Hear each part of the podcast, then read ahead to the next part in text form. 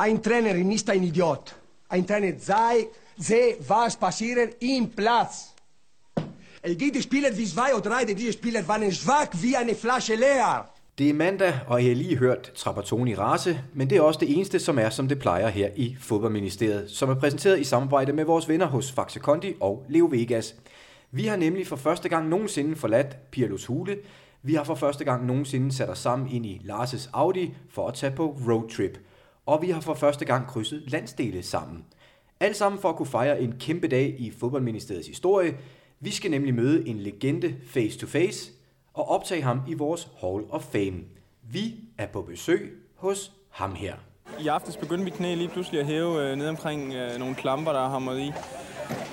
Og så, øh, jeg har ikke sovet ret meget i nat, men, øh, og jeg havde det heller ikke godt til morgen og sådan noget, men øh, da først jeg fik varmet ordentligt op, så, så mærkede jeg ingenting til det. Var det fordi, at du ikke har sovet nat, at du, du tænkte på at, at score på kasser i dag her i Brøndby? Nej, jeg ved ikke. Altså, jeg har jo også haft chancerne i de andre kampe, hvor jeg simpelthen bare ikke har været skarp nok. Så i dag var jeg bare heldig, at så, så røg de altså inden for målrammen i dag. Hvad med knæet? Er det alvorligt? Nej, nej, overhovedet ikke. Altså, det, der er ingenting. Altså, jeg, jeg kan sagtens løbe uden... Øh, der er ikke noget med knæet, det er værd med lungerne. Det her, Per Pedersen, det var dig. Ja. Ja. Hvordan er det at høre sådan et klip? Og hvordan har knæet det egentlig, tænker jeg? Ja, det er så lidt skræmmende, at man i den grad kan negligere sine knæ, når, når det nu i, i bund og grund ikke er ret godt, faktisk. Vi, øh, vi er jo lidt benovet alle sammen, Lars. Det kan vi lige så godt sige, som det er. Ja, vi tager nemlig over hver. Det er, det, det er fedt, og fedt, at uh, du, Per, gider at, at tage dig tiden til at, at mødes med os. Og det er lidt ud af dig selv. Det, øh, nu har vi taget for os retterne, uden at spørge et stykke tid, kan man sige. Vi sidder som et par øh, forfjamskede små drenge og, og synes, det er, det er lidt fedt, det her. Sture, Ingen er, er du også øh, i godt humør? Det er i hvert fald. Ja, det er sådan, at Per, det kan vi godt fortælle dig nu, at vi har løbende fået øh, nogle henvendelser fra nogle af de her lytter, vi har, som virkelig er engageret og, og, og dygtige på alle mulige områder, der har spurgt, skal I ikke snart prøve at have en gæst? Og så har vi sagt, nej, nej, men når vi kan få en af de her legender, som vi, som vi selv sidder og snakker op, så, så, så griber vi chancen. Og det er derfor, vi er kommet. Fantastisk. I er jo selv kommet over og har selv taget mad med, så det kan jo ikke blive nemmere. Jamen det er jo lige præcis det. Vi synes jo, du, øh, vi går rundt og synes, du, du er en stor kanon, Per, og det bekræfter du så, da vi, øh, da vi inviterer dig på besøg, og så får at vide, at det tidligst skulle blive til april. I jo mindre selvfølgelig vil lige komme forbi. Så det gør vi. Sådan, er, sådan skal det være. Ja, ja. Sådan skal det være. Per, øh, for lige at runde det hurtigt op. Vi har jo haft mange gode historier om, om dig i vores, øh, i vores podcast, men du er 47 år gammel i dag. Passer det? Det er korrekt. Øh, starter din professionelle karriere i OB i 1986. Ja, det husker jeg tydeligt. Så har vi været forbi Lønby, OB igen, Blackburn, Gladbach, Strasbourg og hjem til OB Helt korrekt. i 2000. Der er læst op på sagerne. Der er læst op på sagerne. Yes. Landsholdskampe, det har jeg så også været at kigge på. 11 stykker. 6 mål er det blevet til. Det skal så lige siges, at det er inklusiv ligalandskamp. Ja, men det var til gengæld 11 gode. Ja, og det var også 6 gode kasser, det er jeg slet ikke i tvivl om. Ja, vi kan, vi kan da godt huske nogle af dem, kan vi ikke det? Altså, jeg kan da godt huske det inde i parken også. Det der, det der vi snakkede om, var et sakse eller ikke var et, et sakse. Vi, øh... Ja, den udsendelse hørte jeg godt, hvor du egentlig... Øh, du, du dissede mig lidt der. Nej, jeg vil, jeg vil, jeg vil sige, det, vi kan ikke kalde det sakse, men det ændrer jo ikke på, at det er et godt mål. Altså, jeg husker selv, jeg var helt oppe at hænge og under overlæggen. Jeg tror også, jeg gav dig den som sagt. Jeg tror faktisk, jeg har givet den sagt. Vi, øh, per, vi, hvis vi lige skal gøre dig færdig. Du har øh, fem unger, så du har været produktiv på fodboldbanen og uden for fodboldbanen. yes, sir. Og øh, hvad, hvad laver du ellers nu?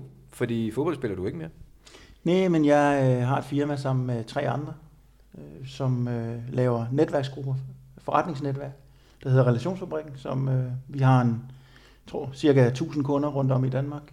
45 grupper, så øh, det er det, jeg arbejder med og har gjort i de sidste 8-10 år. Glimrende. Lars, hvad, øh, var det sådan noget, du også går ind med at finde på en dag, når du ikke øh, gider snakke om fodbold mere? Jeg ved ikke lige, om mine kompetencer ligger der.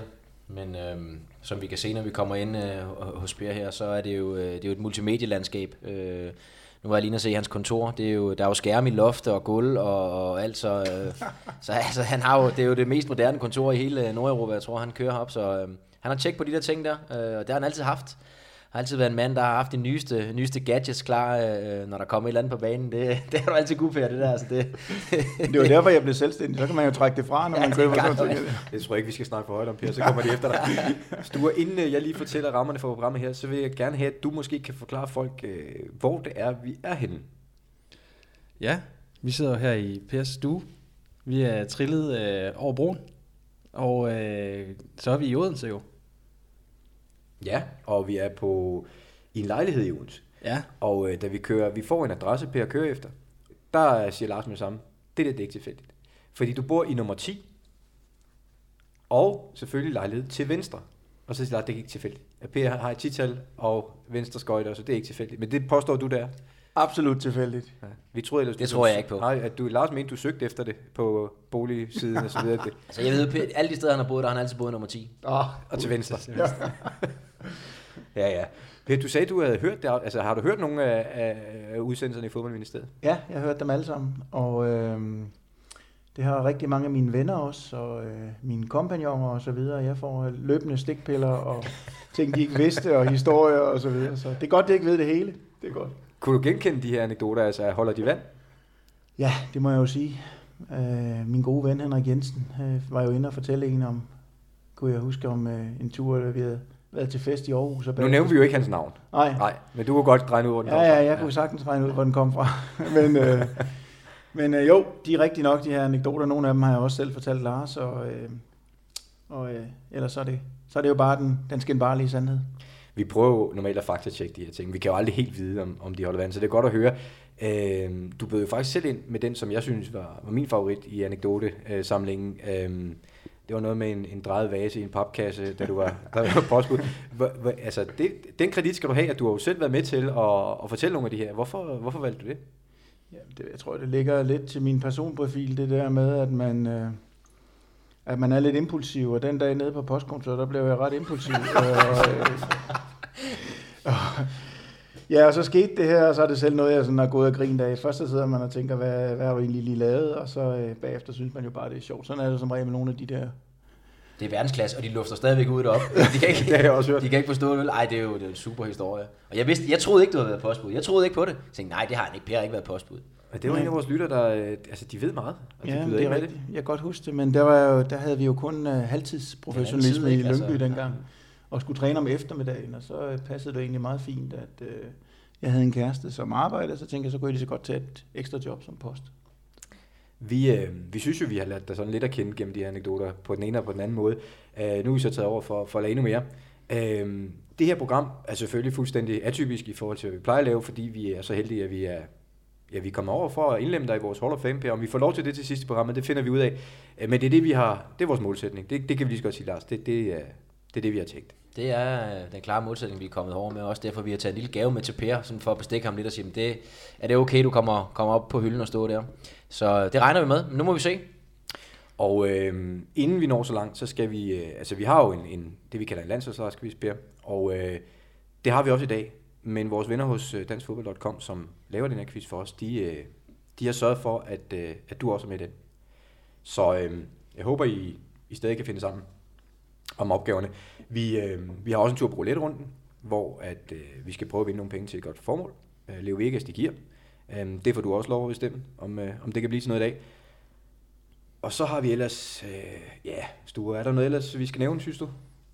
Nej, jeg tror, du har, øh, du har været rundt. Ja, jo, jeg, der er en ting mere, synes jeg. Øh, vi, øh, vi prøver noget nyt.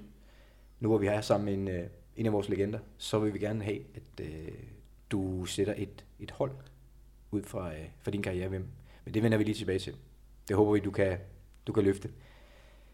Per, øh, når, når vi, øh, vi har snakket om karrieren her, vi var inde på, at den var 14 år lang og, og så videre. Når du går og tænker tilbage på den i dag, hvad, hvad tænker du så egentlig om den? Jeg tænker, at øh, man har været privilegeret, at man så lang tid har kunne leve af, af sin hobby. Det er jo vildt dejligt. Men det er også et specielt liv at være fodboldspiller. Det er jeg sikker på, at Lars kan, kan genkende det til. Man er lidt i sådan en, sin egen boble, og sådan, har egentlig ikke rigtig føling med resten af samfundet. Så øh, lige så dejligt det er at spille, lige så dejligt er det egentlig også at komme ud af det. Og øh, for at være 100% ærlig, jeg savner det ikke. Jo, hvis man kunne møde ude på stadion og spille for 20-30.000 mennesker, det ville være vildt dejligt. Men jeg savner ikke alt det andet. Altså, jeg savner ikke de daglige træninger, specielt ikke her ved vintertid. Og øh, man savner ikke det her med at blive genkendt alle vegne og, øh, og de her ting. Altså nu er det så mange år siden, jeg stoppede, så det bliver selvfølgelig mindre og mindre. Men alle de der ting, dem, jeg savner det ikke faktisk overhovedet. Det, det er jo det, man skal huske på som fodboldspiller. Uh, man, man, man tænker altid på de der store kampe, når du har spillet landskampe, når du har spillet de store kampe i udlandet, og der sidder 50.000. Ikke? Altså, det er jo det, man tænker på. Du tænker ikke på, øh, da man stod over på dyreskudspladsen og skulle træne i, øh, i 4 graders frost, eller var nede og løb 1000 meter løb med Kim Brink eller Troels Bæk, eller hvem det var. Ikke? Det, det, det glemmer man jo lidt. Men, men det vil jeg da også sige, når, når, når jeg sådan er kommet hen på den anden side også, det er man jo et eller andet sted glad for, og selv kunne bestemme, vil du ud og løbe en tur, eller vil du ikke? Vil du ud og træne, eller vil du ikke? Fodboldspillet, det elsker vi jo stadigvæk. Øh, nu kan man sige, at Pers øh, præmisse var lidt anderledes, i og med, at han havde nogle skader, så han var, var nødt til at stoppe sin karriere. Det var jeg så heldig, så heldig ikke at, at være en del af. Men dermed, dermed også sagt, der må have været mange, altså dengang jeg spillede med Leipzig, der kæmpede du med mange skader hele tiden, ikke? Ude og ind hele tiden, og det er jo en frustration, og man kunne også godt se på dig, du havde jo også ondt, blandt andet i de knæ, ikke? og dine akillescener har du problemer med, og, og så videre. Så, så det er jo ikke bare øh, en dans på roser hele tiden. Det er et super fedt job, men der er også nogle ting, der går ondt ved det. Ikke? Øhm, du skal hele tiden stå til regnskab, i hvert fald når man spiller i en klub som OB og uden er en lille by. Jamen, hvis Per ikke har scoret om søndagen, eller, eller jeg havde jogget i bolden, jamen, så skal du også stå til regnskab for det, når du er nede ved bæren og hente en, øh, en brunsviger, ikke? Altså, og sådan er det. Så jeg kan sagtens sætte med lidt med, at det er, det er også rart at slippe for det. Ja, det, det er sådan der. Så, øh, men men også det der med, når man har mange skader, jeg synes, det var, det var svært, at man kunne ikke øh, leve op til hverken sine egne eller andres forventninger, det her med at komme tilbage. Der blev længere og længere tilbage, kan man sige. Der, jeg har haft to korsbåndsskader, da jeg var 20. Der var stadigvæk den der motivation og gejst til at komme tilbage på det gamle niveau, kan man sige. Eller det niveau, man vidste, man havde og, og havde vist før. Men da man så blev 7-28, sprang af kildescenerne og så videre, jamen, det blev sværere og sværere at komme tilbage, og jeg mistede også motivationen til sidst. Jeg kan også se, at en, en professionel karriere, der var 14 år, så er det trods alt usædvanligt, at man i går så kun når at spille 232 kampe, som jeg har siddet og talt mig frem til, at, at du har spillet. Du har så lige øh, lavede, hvad bliver det, 84 mål i de 232 kampe, så det er jo ikke fordi, du ikke lavede noget, når du var med, men der må have været mange skader, der gør, at du ikke i så lang karriere nåede, nåede flere kampe. Jamen altså, jeg var jo skadet i, øh, jeg tror det var faktisk min mor, hun både talt min sting på det ene, øh, på mit højre ben, der nåede hun vist op over 100, tror jeg. Og øh, jeg var skadet i syv år af de 14 år, jeg var professionel. Så det er jo selvfølgelig frustrerende, for en ting er den skadesperiode, du har, men det er også, når du så er tilbage, så tager det jo ofte en eller to opstarter, før du er oppe på gammel niveau, fordi øh, kroppen bliver træt, når du begynder at træne hårdt igen, og så videre, så videre. Så, så, så der var lang vej tilbage, så ja, der har været mange frustrerende perioder. Men det, det siger også, om du har, du har stadigvæk lavet mange af dine mål, hvor du ikke har været i form. Jeg ved, hvor mange der, der render og kæmper med det der, altså, du ved, kommer tilbage fra en skade, som Per siger, man skal bruge virkelig lang tid på at komme op i omdrejninger igen, og specielt som angriber, hvor du lever af de her maksaktioner. Du lever af, at, at sparket sidder lige, øh, lige hvor det skal, hele tiden. Men så har Pelle mange af sine mål, hvor han i princippet ikke har været i topform. Og det er, det er en præstation, det er det. Der er noget instinkt der, der som, øh, som kunne bære dig ind imellem. Jo, men det er rigtigt, men altså, øh, der er også mange, der siger, åh, øh, tænker du ikke over, øh, hvor langt du kunne være kommet, hvis du ikke havde haft alle de skader, men på den anden side, så synes jeg også, at jeg har været heldig, at trods alle de skader, så øh, har jeg alligevel nået at spille i nogle forskellige lande, og i nogle sjove klubber herhjemme og sådan noget, så øh, jeg er egentlig ganske taknemmelig for det, som, som jeg har været igennem. Og vi ved jo også, at du til hver en tid kan gå ind og, og finde det mål. Vi fik jo en fra en lytter, der skrev til os, og det troede Lars jo selvfølgelig heller ikke på, men det viser også at være rigtigt. En, vores lytter har altid ret, sådan er det bare. De, han skrev ind, at han havde jo spillet øh, mod Marienløst i, i noget seriebold, og, og, og der var en spillende træner fra, fra Marienløst, der skiftede sig selv ind til sidst, scorede et mål, skiftede sig selv ud, og så bare smuttet ind i omklædning. Det viser, at det var dig, Per. Det var god nok. Ja, det var... Jeg kan godt huske det, men... Øh, jeg kan godt huske Ja, det var... Det var ikke så godt, men... Øh, men det var da godt. Ja, ja, vi jo, synes jo, det var klasse. Men øh, det var jo egentlig meningen, da jeg skulle træne Marienløst derude, at, øh, at jeg ville spille så lidt som muligt. Ikke? Men øh, når, man, når man træner sådan et hold som var Fyns, så er det jo lige så har du seks afbud, fordi de er til konfirmation, eller syv, der skal til familiefødselsdag eller et eller andet. Og, altså, så, øh, hvor man har været vant til, at i vores verden var det jo nærmest kun dødsfald, der retfærdiggjorde et afbud. Jamen, så mødte man jo op derude, og så måtte man sætte sig selv ind en gang imellem, og, og så var det det. Og dengang der kunne jeg da trods alt stadigvæk lidt, men øh, jeg har en kammerat, der, der træner et old boys hold nede i langt ved superveteraner eller sådan et eller andet. Der har jeg spillet et par gange her i, i foråret, en 4-5 kampe, tror jeg. Jeg har ikke været nede, når jeg scorer endnu, så øh, niveauet er dalet betragtet. Men det der med at være træner, det, det skal du ikke igen? Eller? Nej, det skal jeg ikke. Det, jeg synes ikke, det interesserer mig ikke faktisk. Så øh, jeg kan godt lide at se fodbold, og jeg elsker, når vi tager på stadion og så videre, men, øh, men nej, træner, det interesserer mig ikke. Er der nogle ting, du sådan sidder og fortryder den dag i dag, når du kigger tilbage? Noget, som man ville have gjort anderledes, eller man skulle have gjort anderledes? fortryder ved jeg ikke rigtigt, men der er helt sikkert nogle ting, hvor jeg tænker, at jeg kunne have optimeret på nogle ting, for eksempel. Altså, Men, jeg, jeg, sådan har alle det. Altså, sådan har alle det. Ja. Altså, det, det, det er jo meget normalt. Men det der med at fortryde, det skal man aldrig gøre. Der er altid en årsag til tingene, men hold da op, man kunne have lavet mange andre valg. Ja, ja, præcis. det, ikke? Men det tror jeg også, at man har altså, i godsøjne som almindelig menneske, som, som har et almindeligt job, det der med, at man tænker, øh, de fejl, man selv har begået, skal ens børn ikke begå. Altså, øh, sådan har jeg det også lidt som fodboldspiller, det her med, at, at øh, jamen, jeg husker en kamp op i Silkeborg, vi skulle spille i 92 med Lyngby, hvor vi endte med at blive Danmarksmester, og spillede vi en kamp op i Silkeborg, halvanden time før, der står vi ude af bussen deroppe, og der går jeg og spiser en pose Matador Mix. Øh, men, og det kan jeg huske, at jeg fik fortalt af en fra Silkeborg. Jo, vi vandt 3-0, og jeg lavede to mål og lagde op til en. Ikke? Så står man jo også bagefter og siger, okay, hvorfor skal jeg så ikke gøre det? Men man kan sige, at man kan godt optimere på det. Når jeg levede lidt af min hurtighed og min afslutning, havde man nu optimeret lidt på det, måske tabt 3 kilo, var det måske lige blevet en lille smule hurtigere igen. Og sådan, sådan nogle ting tænker man, man kunne optimere på, men og jeg fortryder ikke noget. Jeg har haft et godt liv med det. Jeg husker da også, jeg var jo øh, en ung dreng dengang, jeg husker da også som en af dem, der fyldte noget, altså som, som man havde et indtryk af, hvem var, fordi øh, der var noget humor, noget overskud og, frisk kommentar og så videre. Altså det var jo heller ikke, som, altså jeg ved ikke, om det var bevidst, men, men du, du gav jo noget af dig selv i en tid, hvor, hvor det ikke var så stort et krav, som det for eksempel er nu, med alle de her medier, der er nu. Altså dengang var det jo lidt noget andet, men, men du fyldte jo noget. Ja, men jeg tror, det er igen lidt med den profil, man har. Altså, så er der jo nogen, der synes, at det er helt forkert at gøre den, gå den vej, hvis du tager sådan en som håndboldmålmand Kasper Witt, som er diametralt modsatte. Han vil jo nok synes, at man har spildt meget af sit talent på det, kan man sige, hvor, øh, hvor nogle af os andre bare trives bedst med at være åbne og fortælle lidt og sådan. Men der vil jeg så også lige sige, Per, for du, du har altid været, øhm, for mig øh, har du altid været utrolig et positivt menneske. Og det tror jeg også, at med alle de skader, du har haft, der har du, der har du draget fordel af at være, være det der positive. Du har ikke, altså det kan godt være, at du måske indadtil har været, været deprimeret over nogle ting, når man får en skade og så videre. Øh, men, men, men jeg ved selv fra mine skadesperioder, hvor hårdt det kan være. Jeg kan huske en gang, du kommer tilbage til OB, der er store forventninger. Kommer du tilbage til OB igen, og så sker der det her med dine akillescener, hvor du tager til Schweiz og bliver opereret af dine akillescener. Jeg glemmer det aldrig.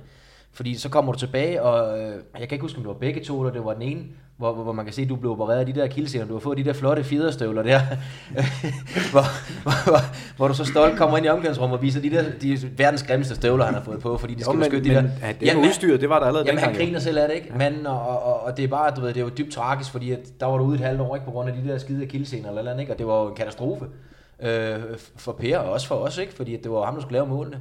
Men du kommer hjem, og, og, og så, så smiler du af det, og så griner, prøv lige at se de her støvler her, ikke? Og, og det, det forklarer meget godt, hvem Per er. ikke? Altså, det har været altid været utrolig positivt. Du har altid haft en positiv effekt på dine omgivelser, og haft et smil på læben, ikke? Og, og, en, og, og lidt jokeri og alt det. Det har altid været dig, og det tror jeg, du, øh, det har du kunne drage fordel af med, med de der svære perioder, du trods alt har, har rendt ind i med skaderne, ikke?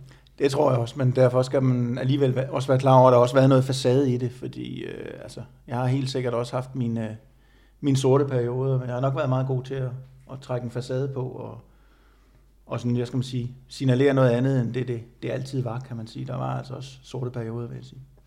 Nu har nu nævnt vi, at du har jo været i, i store ligaer. Altså du kom jo ud og, og, og fik også spillet i, i de steder, du kom hen. Øhm, er der noget, som du sidder i dag og siger, det kunne være sjovt at prøve, fordi det var faktisk en mulighed, men jeg valgte noget andet, eller det glippede, eller er der noget af det der, som man i dag kan sidde og kigge tilbage på og sige, det kan jeg godt sige nu, og det kunne have været skide sjovt, men sådan blev det ikke. Nej, det jeg synes, der er, der er lidt sjovt at tænke på, det er jo det her med, at øh, da jeg spillede, der var det meget sådan, at vi behandlede alle over en, øh, over en kamp. Altså det var, vi skulle alle sammen behandles ens, og der kan jeg faktisk huske, at jeg var over at besøge Lars, da Lars var i West Ham. Og øh, og der havde vi faktisk en snak om aftenen, hvor, hvor Lars han sagde øh, det her med, at jeg vil ønske, at vi lang tid tidligere var begyndt at arbejde med, med individet, altså det her med at gå til coach og øh, altså hvad siger, og de her forskellige ting. Øh, Fordi jeg må bare erkende, at da jeg kom til udlandet, altså at komme til udlandet, øh, det kan du i hvert fald ikke genkende til, Lars, det er jo det er bare en helt anden verden. Altså man er bare et nummer i rækken, og hvis ikke du præsterer, så sætter de bare en anden en ind. De er i bund og grund ligeglade med dig som menneske. De vil bare have noget, der bliver leveret i weekenden ude på banen, og du skal bare opføre dig ordentligt, og når de siger hop, så skal du bare hoppe. Og jeg var jo lidt vant til herhjemmefra, at der blev lagt narm om skulderen på en og siger, gå nu ind og få massage, fordi øh, vi skal bruge dig på søndag, og sådan, selvom du har spillet to dårlige kampe.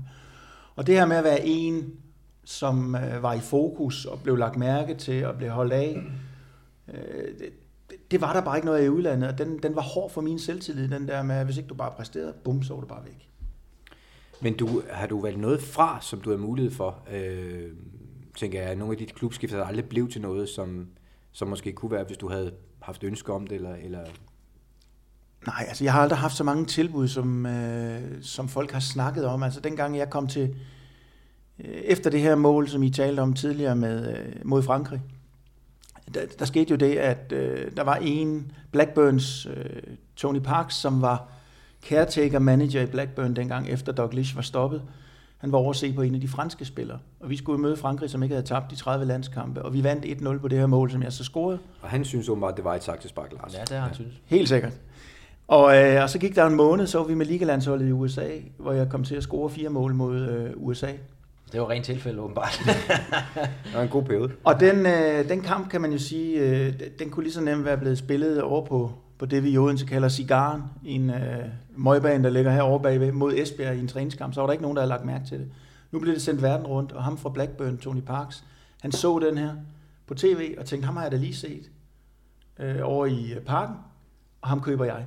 Så stærkt går det jo nogle gange. Ikke? Så øh, altså det, det er jo en mærkelig verden, men, men inden Blackburn kom i spil, der havde jeg jo været til møde med Bolton på, øh, på et hotel over i København, som øh, de ville gerne købe mig, og øh, jeg hoppede ind i bilen sammen med Bonnesen og Bækkelund, som var direktøren, desværre afdød i dag, men øh, Bækkelund, der var direktør i OB dengang, ind på et hotel, havde forhandlinger med Bolden derovre.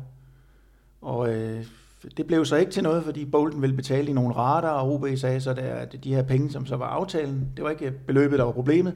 Det var mere, at de ville, de ville have dem alle sammen på én gang. Det sagde Bolton nej til, så kunne man sætte sig ind på bagsædet af bilen igen og køre hjem og tage til træning i OB næste dag. Han skulle med færgen også. Ja, det var ikke fedt. Så, øh, men der har ikke været så mange tilbud aktivt. Så gik der lidt rygter om noget Arsenal på et tidspunkt, eller noget, men der har aldrig været noget sådan konkret. Der var tit nogen, der ringede, specielt efter de her to landskampe.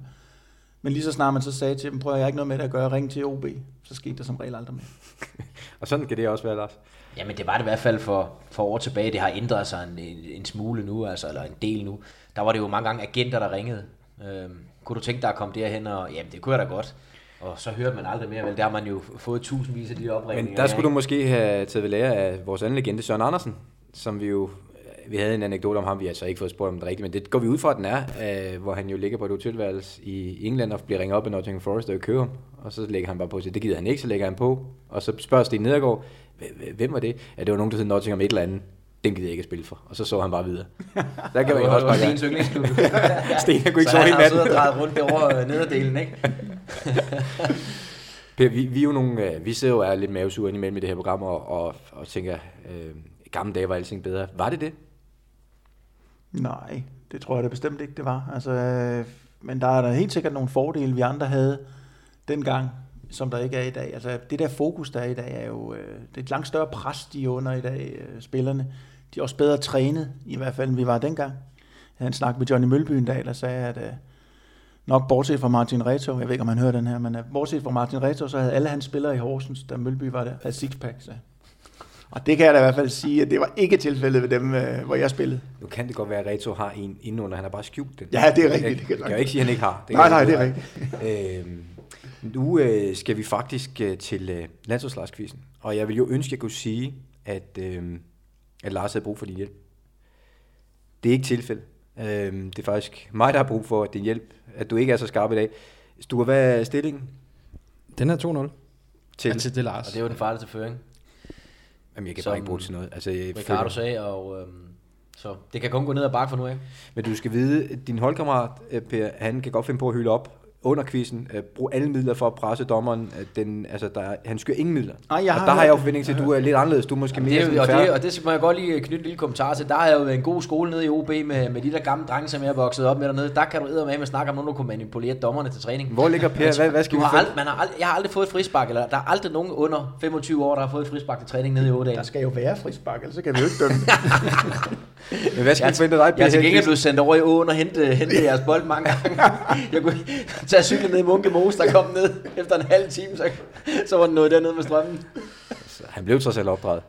Ja, ja, selvfølgelig. Ja, ja. Selvfølgelig, ellers har han da aldrig klaret sig så godt. Har så flot en karriere. Men jeg, Per, jeg forventer, at du er en stor sportsmand her, at, at der er noget, noget mere verdensklasse over dig. Men Helt det får vi jo se, om, om du kan leve op til. Jeg går ikke ind i nærkampene på samme måde som Lars Jakobsen. Nej, det ved jeg ikke, Per. Altså, jeg har set dig. øh, Og det, det er sjovt, du siger det ikke, fordi normalvis måske ikke. Der, der, der, der gad Per ikke det der, men, jeg, men, men vi skal også lige være enige om, at der var også noget temperament inde bag det der. Øh, du kunne godt tænde af, Per.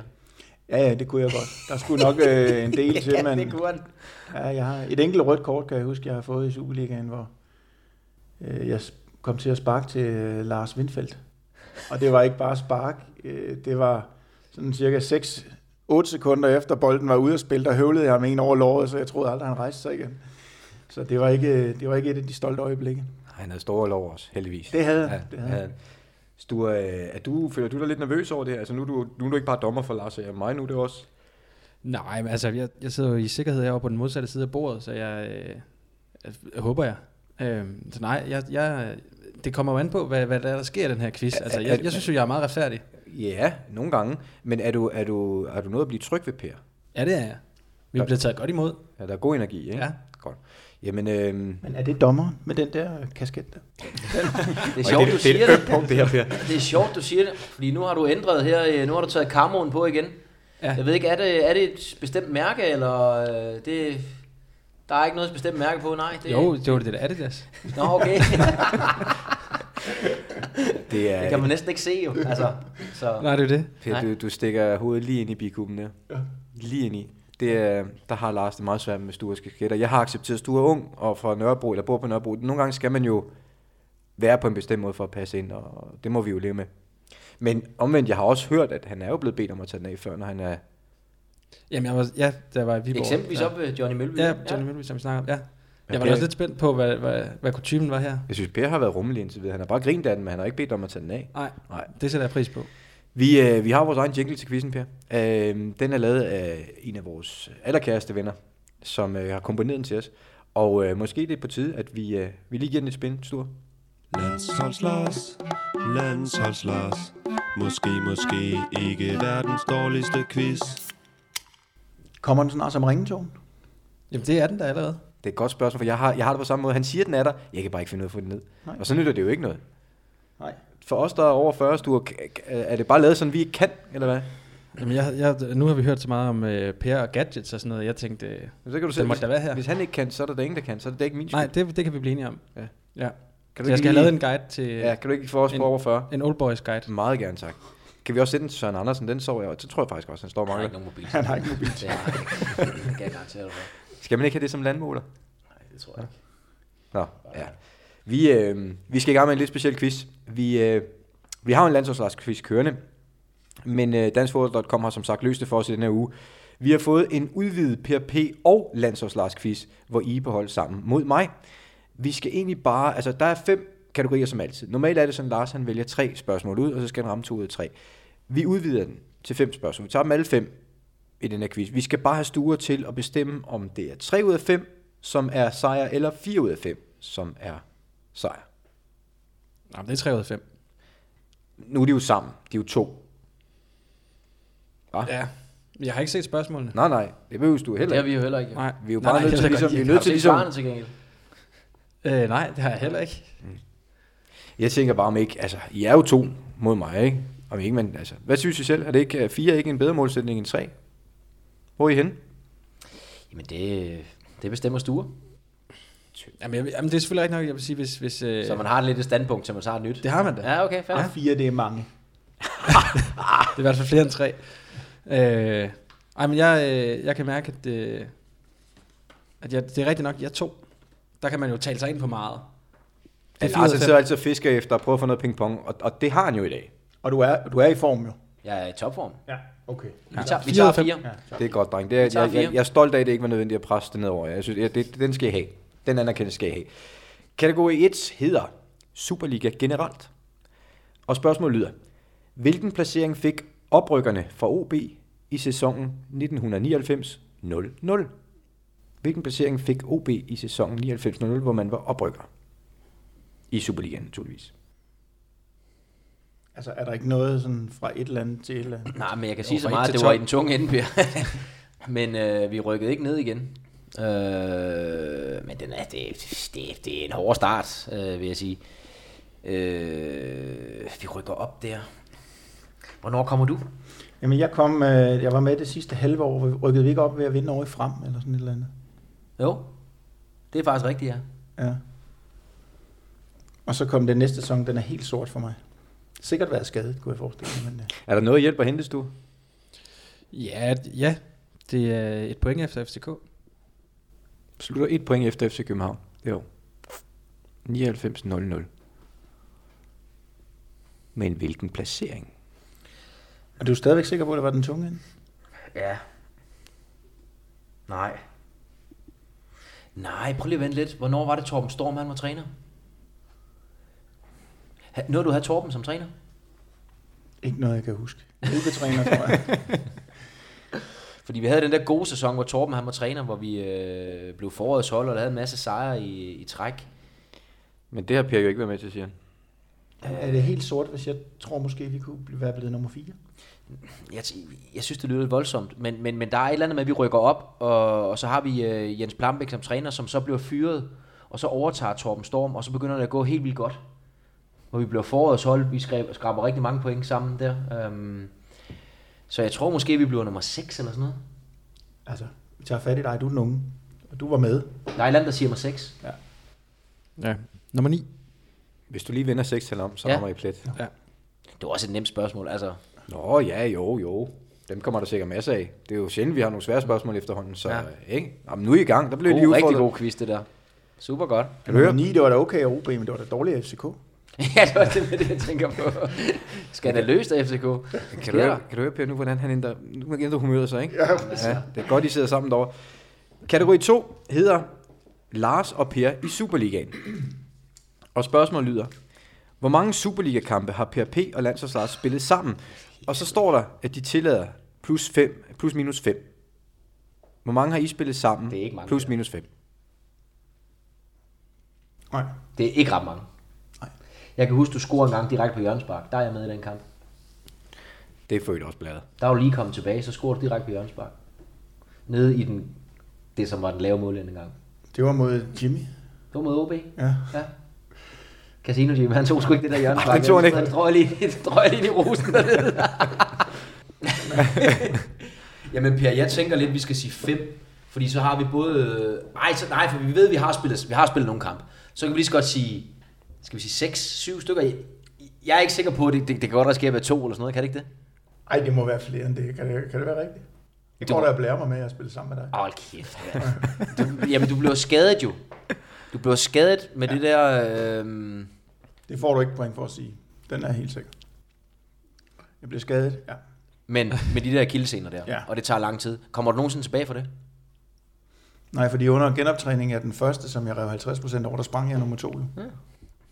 Så det er rigtigt. Og kan du huske, her. hvilken tid på året det var, du sprang den? Ja, det kan jeg godt. Det var, øhm, det var lige i foråret. Så der spiller du efterårssæsonen. Nej, jeg kommer tilbage ved øh, årsskiftet. Og så i, i optræningen, så starter... Jamen, så er det ikke mange der. Nej. Så siger vi de der fem der, så har vi fem at gøre med. Jamen, vi ved, at du har spillet en. Så siger vi seks. Så hvis det er en, så rammer vi også på seks, ikke? Var du med mod OB der? Ja, det er jeg ret sikker på, ja. Eller skal vi sige fem, for at vi er på den sikre side, for vi ved det ikke over 10. Nej, men det er i hvert fald ikke 0. Det er i hvert fald, Jamen, er vi sikre på det? Jeg, jeg, jeg, jeg er ikke sikker på, at jeg er med i den der OB. Det kan også være, at jeg sad og kiggede på tribunen, måske. Vi siger 7, fordi så kan vi trække 5 fra, og så er det, vi må sgu da have spillet to. Ja, det, det tør jeg ikke. så siger vi 6. Ja, vi siger 6, det er i orden. Det, Okay, det er, det er, Det er godt lavet. Det er sindssygt skarpt, at det er 11. det er rigtig svar 11. Så med 6, så, Ja, så det øh, passer. så, så er det point. I, det, I er helt ude. I helt ude, hvor det var... Ej! Men først så taget Det er alligevel flere, vi havde regnet med. Ja, præcis. Og 11 gode, vel at mærke. Ja, ja det er 11 af de bedste. Men jeg sad faktisk lige og tænkte, for, ej, hvor er det godt, I har hinanden, I hjælper hinanden helt vildt. Og så til sidst, så sidder I faktisk og begynder at stakke hinanden væk fra det rigtige. Men øh, okay, der kan I se. Når man er sammen, får man noget ja. af det jo. Øh, så er der en til hver, indtil videre. Kategori 3 hedder landsholdet generelt. Og øh, der er spørgsmålet, hvor mange mål scorede Danmark ved VM i 1986? 5 mod Uruguay. Et mod øh, Skotland i den første, Elkær. 2 mod Tyskland. To vinder 2-0 mod Tyskland. Ja. Og så taber vi 5 eller 6 til Spanien. Der laver vi en enkelt jo. Ja. Så det er 6, 8. Laver, hvor mange laver vi mod Skotland? Et. Elkær. Det er så 9 mål jo. Et. 5, 2, 1. Og der er ikke noget med 5 plus minus. Nej, nej, I skal, I skal ramme. Er vi ikke enige om det, er det så? Jamen, Er der kun én kamp efter, vi går videre? Ja, ja.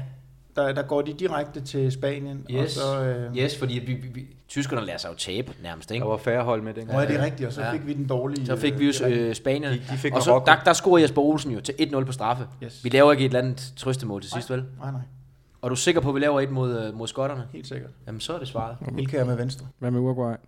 Laver vi 6 der, eller hvad? Ja, Er det ikke 6-1, vi slår Uruguay? Og men der er jo svaret stur. Så er det 10, så er det 10 mål jo. Øh, vi skal 1 lige... og 6, det giver 7. Ja, Ja, og så 2 mod tyskerne, det giver 9. Og så 1 mod Spanien, ja, det så, giver 10. ja, det er så 10. Det er Ja. faktisk rigtigt. Ja. Jamen, det er korrekt. ja. Hvordan synes du selv, du klarede den tur? Ah, han venter. 6 mål. Kan vi alle De, sammen huske. de snyder. De snyder. Nej, nej, fordi nej, nej, her. nej. Du, for du det sidste mål mod Uruguay. Altså prøv at vi så sidder, du vi sidder og det. ramser alle vi, vi, snakkede, vi snakkede øh, tre eller fire rigtige, og så Ja. ja. får du den med fire, og så nu så... Øh, Jamen, så kan det være lige meget, jeg jeg den den med fire, hvis du giver dem den her. I tillæg kan du få målscoren, hvis du vil have den. og det har Alle vi... kampene. Men jeg, øh, også den, I havde glemt. Også det mål, I havde glemt. Ja, Ja, ja, okay. Øh, hvis du ikke havde været her, Per, Der scorer så havde jeg kæmpet den her helt til bunds. Det skal du bare vide. Fordi den her er grim stuer. Men i Pers selskab kan vi ikke, vi kan ikke øh, sidde og fedt rundt i det her. Jamen, jeg, er lidt, jeg er lidt nervøs på turen. Øh, Ja, vej, det sagde du. vej Derfor jeg spurgte dig inden, om du var nervøs. Det sagde du, det var du Nej, ikke. den Jamen, har det er blevet. Der er ikke så meget der. Der er ikke så meget. Nå. Der er ikke så Vi må meget. videre. Vi har en, der hedder europæisk fodbold nu, en kategori. Øh, og spørgsmålet lyder, både Lars og Per har spillet for Blackburn Rovers, men hvem af de to har spillet flest Premier League-kampe for Blackburn Rovers? Hvor mange har du spillet? Ah, det må det med være nemt. Jeg tror, jeg spillede 11 eller sådan. Jamen, så har jeg. Ah, vent lige lidt. Jeg spiller kun til, jeg spiller kun til, til december måned, så spiller jeg så sandelig ikke mere, skulle jeg helt til sige. Men, men hvad er det så? Ikke til september måned? Nej, december. Nå, december. Det er med, det, det, det, det, er jo det, det er et giftigt spørgsmål, for det er lige omkring øh, det samme antal. Altså, jeg er jo tilfreds, for jeg synes, det var alt for lidt i mange uger nu. Så jeg, jeg synes, det er godt, de har strammet lidt op. Det kan også godt være, at jeg er på 11, eller? Ej, det må jo ikke være... Vi kan ikke sige kryds. Nej, det må det heller ikke. Svaret må ikke være kryds. Nej, det må det ikke. Altså, jeg, jeg tror, du har. Det tror jeg. Jamen, det er jeg faktisk lidt i tvivl om, fordi jeg spiller... Jeg spiller de... Jeg, det, det er lige før, jeg ikke tror det, for jeg kommer ikke ind i nogen kamp. Han vælger jo at tage mig med til alle kampe, hvor jeg bare ikke kommer ind. Hvad starter de? De starter i august jo. Og der er cirka fem om måneden. Ja, men, men, men jeg, jeg ryger ud efter, vi har spillet en kamp nede i Chelsea, hvor vi blev smadret fuldstændig, hvor, øh, hvor jeg nærmest sådan, det er min skyld, vi taber. 7-0 eller sådan noget. Ah, den er lidt giftig, den der. Ja, det er lige før det er dig, Per. Det, Det er en 50-50, ikke? Ja, det æder med med tæt Jeg skal lige tænke her. Jeg spiller i hvert fald mod øh, Burnley og mod Wolves, og jeg spiller mod Chelsea. Jeg tror, du har spillet flere. Så du, du svarer. Den ligger ved dig. Hvis du har ret der, så er respekt for det. Men jeg tror ikke, jeg har. West Ham spiller jeg også mod.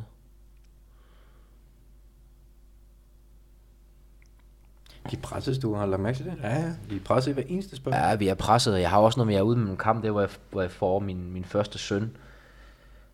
Åh, der spiller jeg heller ikke. United spiller jeg heller ikke. Liverpool spiller jeg heller ikke. Det er en god quiz indtil videre, synes jeg. Nej, øh, vi siger, at du har spillet flest, Per. Det er Premier League kamp, ikke? Kun Premier League-kampe, ja. Ja. Det er korrekt. Godt. Det er sådan, at øh, Per har spillet 16 Premier League-kampe for Blackburn. Lars har spillet 13. Dog er der lige den, det lille kuriosum, at øh, Lars faktisk har spillet flere minutter Premier League for Blackburn. Fordi at øh, Per åbenbart øh, havde meget med indskiftninger eller udskiftninger. Hvor Så-. Lars så trods alt spillede fuld kamp, når han spillede. Ja. Så, øh, men, men du har flest kampe, 16 styks.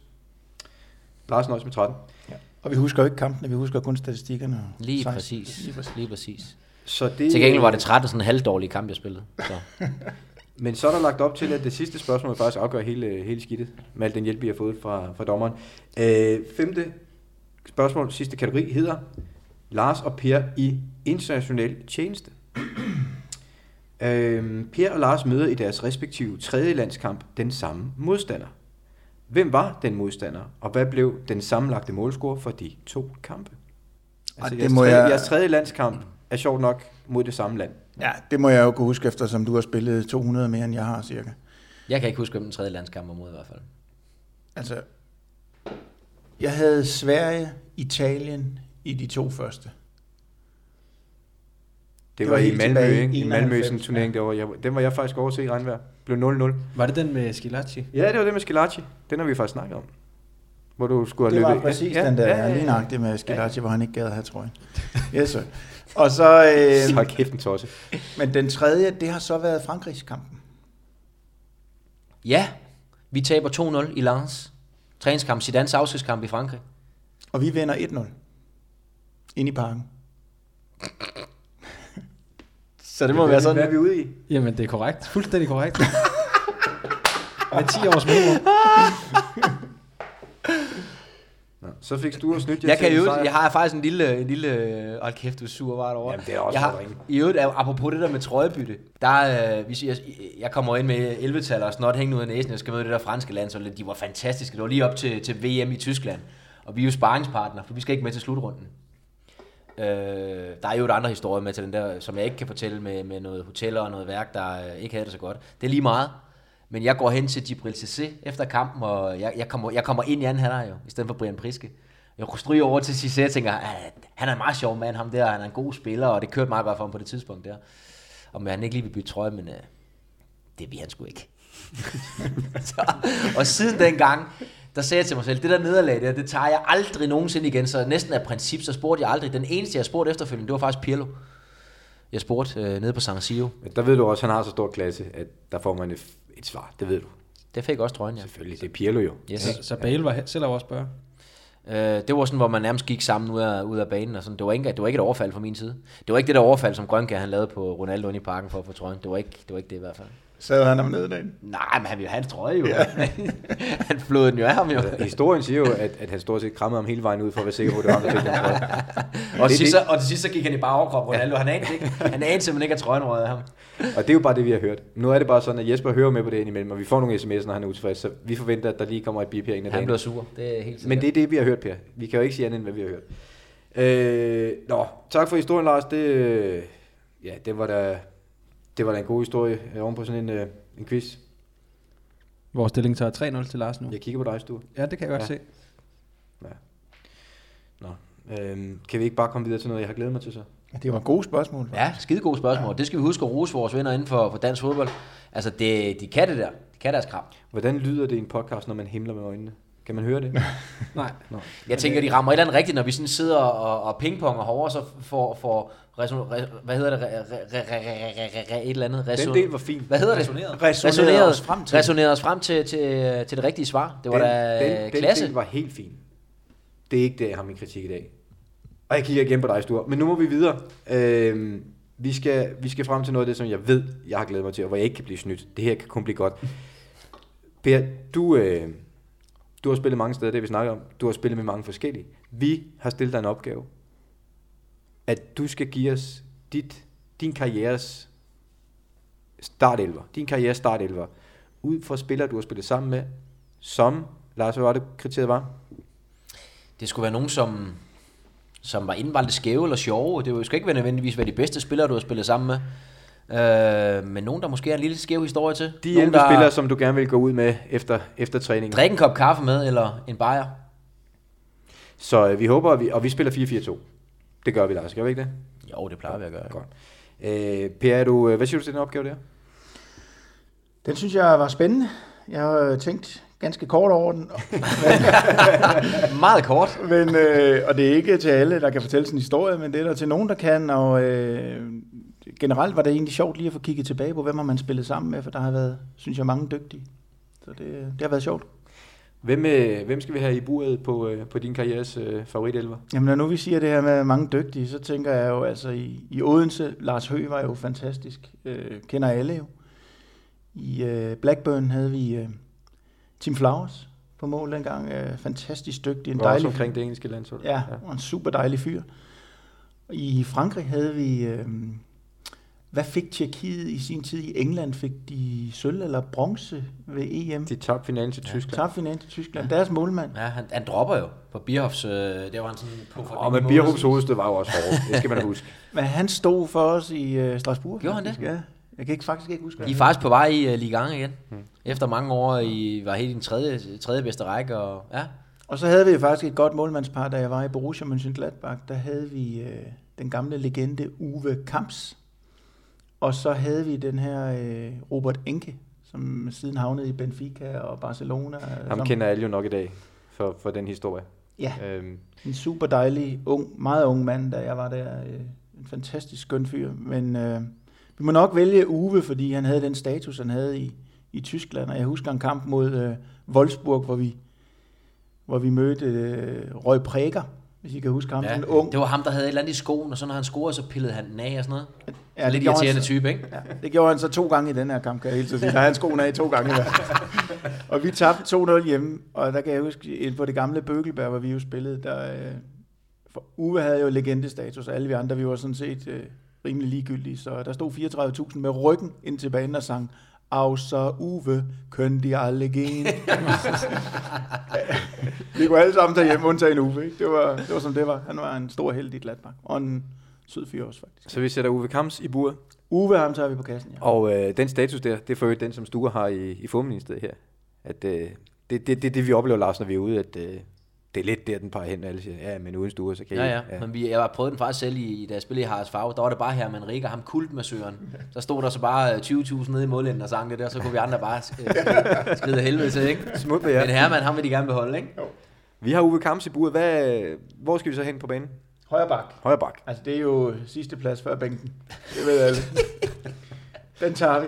Og der har også været nogle sjove, jeg har haft øh, i Blackburn, var en uh, irsk landsholdsspiller, det er Jeff Kenner i Tyskland, kan jeg faktisk ikke huske, hvem vi havde som højre bak. Men uh, Sten Nedergaard ja. i OB, men uh, vi, vi må hellere tage Lars jo, for husfredens skyld, og, og nu siger du det her med, at også en af dem, man gerne vil drikke en kop kaffe med, og så der bagefter. Altså Lars er jo en af de få, jeg stadigvæk har et forhold til, efter fodbolden er stoppet. Så, øh, så vi tager Jacobsen, og vi undlader historier på ham. Og der, der, ja, men der, der kan vi da trods alt sige, at, øh, at vi havde jo en fantastisk oplevelse, som du snakker om før, hvor du var du over besøg mor i West Ham, hvor vi var inde og se den her fantastiske fodboldkamp på White Hart Lane. Øh, Spurs ja. mod Arsenal. Og det har du også lidt et forhold til, Christian, ikke? Mm-hmm. Som ender 4-4.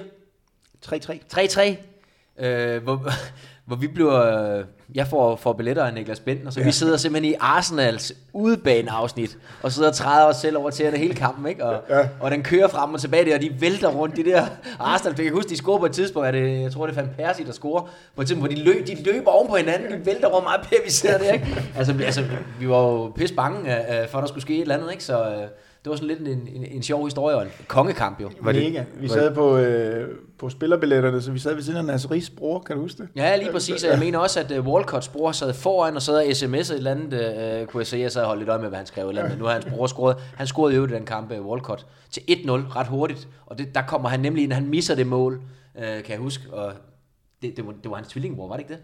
Tror jeg, det var. For de lignede i hvert fald hinanden ret meget, vil jeg sige. Så det må næsten have været hans tvillingbror. Så uh, der sad vi meget Per. Inkarnerede Spurs-fans blandt, blandt fjender. Ja, det var forfærdeligt ikke at kunne flyve op, når de scorede. Ja. Ja, man skal lige passe på sådan et sted, Nej, det skal man. Det skal Vi, man. øh, men du har fået en plads på øh, PP's øh, karrieres Det er øh, jeg meget taknemmelig for. Er det... Øh, jeg skulle lige til at sige, det overgår ikke mange. Det overgår lige præcis 10 andre end dig. Ja, men jeg, jeg vil så sige, at han burde måske have taget Sten Nedergaard med, fordi det er en af de helt store legender. Øh, og også en, en fyr, man også har lyst til at drikke en kop kaffe med. Og en, du ikke vil i quiz imod, kan jeg sige. Han ved alt Ja, jeg har spillet en fodboldkamp med ham. Det har jeg heller ikke lyst til at gøre igen. Nå, Det var ikke sjovt. Det, der blev jeg sgu kørt lidt rundt. Han er en af dem, der aldrig blev en dag ældre, jo. præcis. Ja, og det er jo også det indtryk, jeg stod med efter den kamp. Det kan jeg lige så godt sige, som det er. Øhm, vi har et stopperpar. ja. Hvad har du der? Jamen, der har jeg jo bare lige skrevet en tre stykker ned. Øh. Det er mange i 4-4-2. Det ja, det er det. Men vi skal have to, og der, øh, der, er jo, altså, der er jo mange sjove, og blandt andet Michael Hemmingsen, som, som vi jo har været lidt ind og vende under vores frokost her, og så videre. Men øh, hvis jeg skal tage to, så tager jeg øh, Colin Hendry, kan I huske ham? Ja, det Ja. kan vi. Den Øh, lyser i. Løvemanken. Ja, sindssygt, mand. Det var en rigtig britisk stopper, det der. Immun over for alder. Ja. Ja, nu har jeg været lidt inde på, at jeg sad mere på bænken, end jeg spillede i udlandet, og øh, når vi sådan havde træning dagen før kamp i Blackburn, så øh, stillede de op med A-holdet, og så mod, øh, mod tumperne, og jeg var så på tumpeholdet. og det, det har jeg prøvet masser af gange, det der. Nede i Brockhold Village, der blev legnet op til træning. og der fik man at vide af Roy Hodgson, at man måtte ikke gå 100% ind i A-spillerne. Så det betød så, når der blev slået en lang bold frem, og jeg var angriber, og jeg skulle gå op og presse Colin Henry, så skulle jeg gøre det på 70 procent. Og når man gik ind i Colin Henry på 70 procent, og han kom på 110 procent, så slog man så virkelig. Han kom flyvende, den, øh, den store skotte der. Så, øh, men Colin, han var god. Han var sej. Og jeg kan huske, øh, vi spillede nede i Chelsea, hvor de havde Sola med. Og øh, jeg tænkte bare, at den her på 1, hvad er han, 71 eller 1,65 eller sådan et eller andet. Den her lille italiener, jeg tænkte, der går fem minutter, så ligger han op på række 9. Men de kunne simpelthen ikke fange ham. Altså selv Colin, den, den store mand, de, de fik aldrig fat i ham, selvom de, jeg skal love dig, de forsøgte. Den anden, jeg vil nævne nede i midterforsvaret, er Patrick Andersen. Svensk landsholdsanfører igennem mange år. Jeg spillede sammen med ham i Gladbach. Vi så også en del privat, og øh, øh, han røg til Barcelona senere. Og der havde jeg en sponsortur, da jeg arbejdede i OB. Og jeg var nede, så, øh, så ringer jeg til Martin Dalin, som jeg jo spillede sammen med i Blackburn som jeg var venner med Patrick, og så siger jeg til Martin, det er jo sådan en sidehistorie, jeg siger til Martin Dalin, hvad, hvad laver du? Det var en søndag, jeg ringede. Jamen, jeg ligger på min sofa og ser fjernsyn. Ja, ja, men hvad laver du til daglig, siger jeg. Jamen, ligger på min sofa og ser fjernsyn. så, øh, så spurgte jeg ham så, om han havde Patricks nummer, telefonnummer, og det havde han. Og så ringede jeg til Patrick om aftenen nede i Barcelona, og så siger Patrick, nej, det var fantastisk, danskerne er i byen. Om ikke, jeg skulle bare lige tage en taxa ned fra Camp Nou dagen efter, så kunne jeg komme op og besøge ham. Og så kørte jeg i en taxa, sådan øh, cirka lodret op i himlen i kvarter, eller sådan noget. Boede på sådan en bjerg, lidt udenfor lidt uden for byen, og så var jeg oppe og besøge Patrick der, og det var stort, dejligt, god fyr. Som jo så senere hen, øh, der var noget med det tyske mesterskab nede i Hamburg, nu vi snakker meget om Hamburg også, og, og, og øh, på det her frispark på det var ham, der scorede på det for, for Bayern München, ikke? Så, øh, Effenberg, der triller den til ham. Lige nuagtigt, ja. ja. Så det er jo, men det var Ebbe Sand mistede et, et tysk Lige præcis, Ebbe Sand, han stod allerede og slog på trummen nede ja. i, øh, og Rudi ja. Assauer stod med cigaren, og ja. den her scene, hvor, hvor, de lige kørte de sidste par minutter, kom op på storskærm nede på det gamle ja. stadion nede i Gelsenkirchen dernede. Ja. Fuldstændig vanvittig historie jo, ikke? Ja, det var helt sindssygt. Ja. Men det er nogle tunge drenge, du har i det centerforsvar der. Det er nogen, man kender.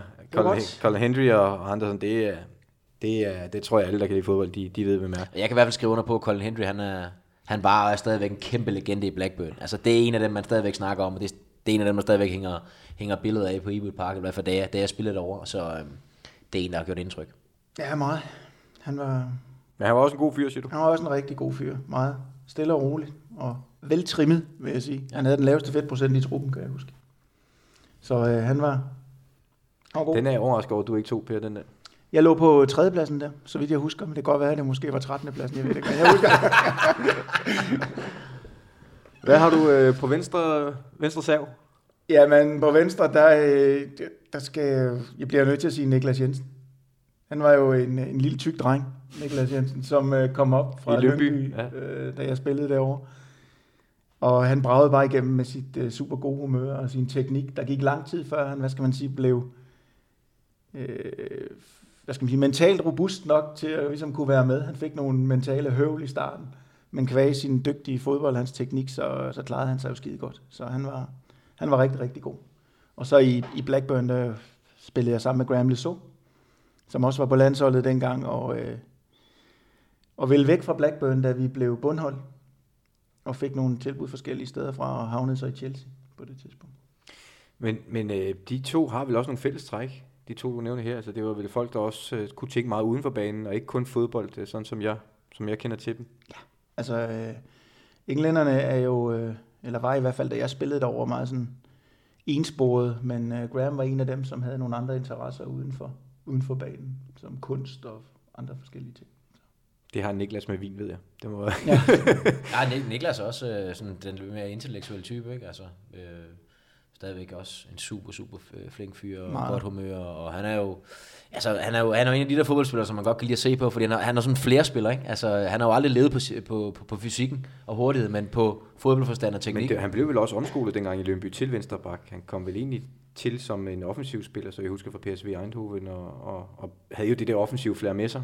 Øh, det var jo dengang var det jo ikke så tit, man så en, en bak var tidligere øh, offensiv spiller, som det er nu. Nej, men han kom jo fra, fra ungdomsholdet og kom op og, øh, og blev lidt som Lars han siger, hvad skal man sige, sat lidt i skole ved nogle af de ældre og lidt mere rutinerede. Så hvad havde vi dengang? Der havde vi jo Henrik Larsen, Allan Kuhn og alle de der forskellige. Så det var noget at holde Peter Nielsen og Torben Frank og de der. Og, øh, Og det er rigtigt, han blev omskolet til, hvis vi skulle finde plads til ham, og det skulle vi jo, fordi han var super, super dygtig. Jamen, øh, så blev det venstreback. Hvem af dem skal vi sætte på holdet? Graham Lissow eller Niklas Jensen? Altså, ah, lad os blive danske. Lad os sætte Niklas på. Vi tager Niklas. Så har du øh, Morten Olsens øh, Sønner. landsholdspar. Ja, sønderne på bak. Det er jo fair nok. det er rigtigt, det Så er Morten Olsen åbenbart det helt dum, helt dum alligevel. Ja, det er fint. Vi, øh, vi skal op på en, øh, en midtbane nu. Starter vi i højre side igen? Nej, vi tager den defensiv. Glimrende. Klassisk Viggo Jensen, diamant. Ja, okay. Nej, ikke- præcis, lige præcis. Det er Ole Spion, der har scoutet alle spillerne til holdet også. Vi starter på def midt. Ja, Diamant spiller vi med. Ja, jeg har faktisk kun nævnt en her, fordi øh, altså, igen, det, der har været nogle dygtige, men, øh, men lad os nu holde fast i, at vi tager Tim Sherwood. Ja. Øh, en og alene af den grund, at han havnede i Tottenham, og, og både som spiller og blev manager der, så derfor holder vi fast i ham. Og det er et godt argument ja. i de her kredse her. Det er, i hvert fald, det er i hvert fald nok til, at vi, må, vi køber den. Uh, Du vælger jo. Uh, men han var vel også lidt crazy uden for banen indimellem, var han ikke det? Nej, jeg synes faktisk, han var fantastisk dygtig til at holde sammen på en trup. Nu var jeg jo i periferien af truppen. Men han var fantastisk dygtig til at holde sammen på, øh, på alle 17-18 mand, og ikke kun en anfører for dem, som egentlig var inde i varmen. Han var rigtig god. Jeg havde mange gode snakke med ham, og øh, øh, jeg kan godt lide ham som person. Var en, en rigtig god anfører, faktisk. Glimrende. Så får han plads. Yes. Så øh, ryger jeg på højre midtbane. Det er et par kanoner, jeg har med der. Øh, Stuart Ripley, der var med til at blive engelsk mester i, i Blackburn, øh, hvor han spillede højre kant. Og så øh, også på højre. Måske lidt overraskende for jer, men øh, Effenberg. Ja. Normalt vil man placere ham på 10'er-positionen, og det vil han sikkert også helst selv. Men øh, der kommer en anden en fra, fra den klub, så, øh, så derfor øh, er det Ripley og Effenberg, jeg har nævnt der, men altså, jeg kommer ikke udenom, at øh, Lars nærmer sig kraftigt, men Effenberg er nok den bedste spiller, jeg nogensinde har spillet sammen med. Fortsat. Det er alligevel Lars, du er tæt på, på Effenberg der. Det, men det, det ved jeg ikke, om jeg er. Men det sjove er med mange af dem her, jeg har jo spillet med mange af dem, eller mod dem. Altså det er jo, det er jo meget sjovt, ikke? Jeg har jo også spillet mod Effenberg, og spillet med Niklas, og, og alle de her øh, forskellige sten, Nedergaard, og alle dem, der blev snakket om, det synes jeg er jo sjovt, ikke? Jeg kan jo så godt sidde og ikke, ikke genkende til, til de fleste ting. Men det er, altså Effenberg, som, han spiller måske lidt ude af position her. Det gør han. Øh, men han er med på kvaliteten.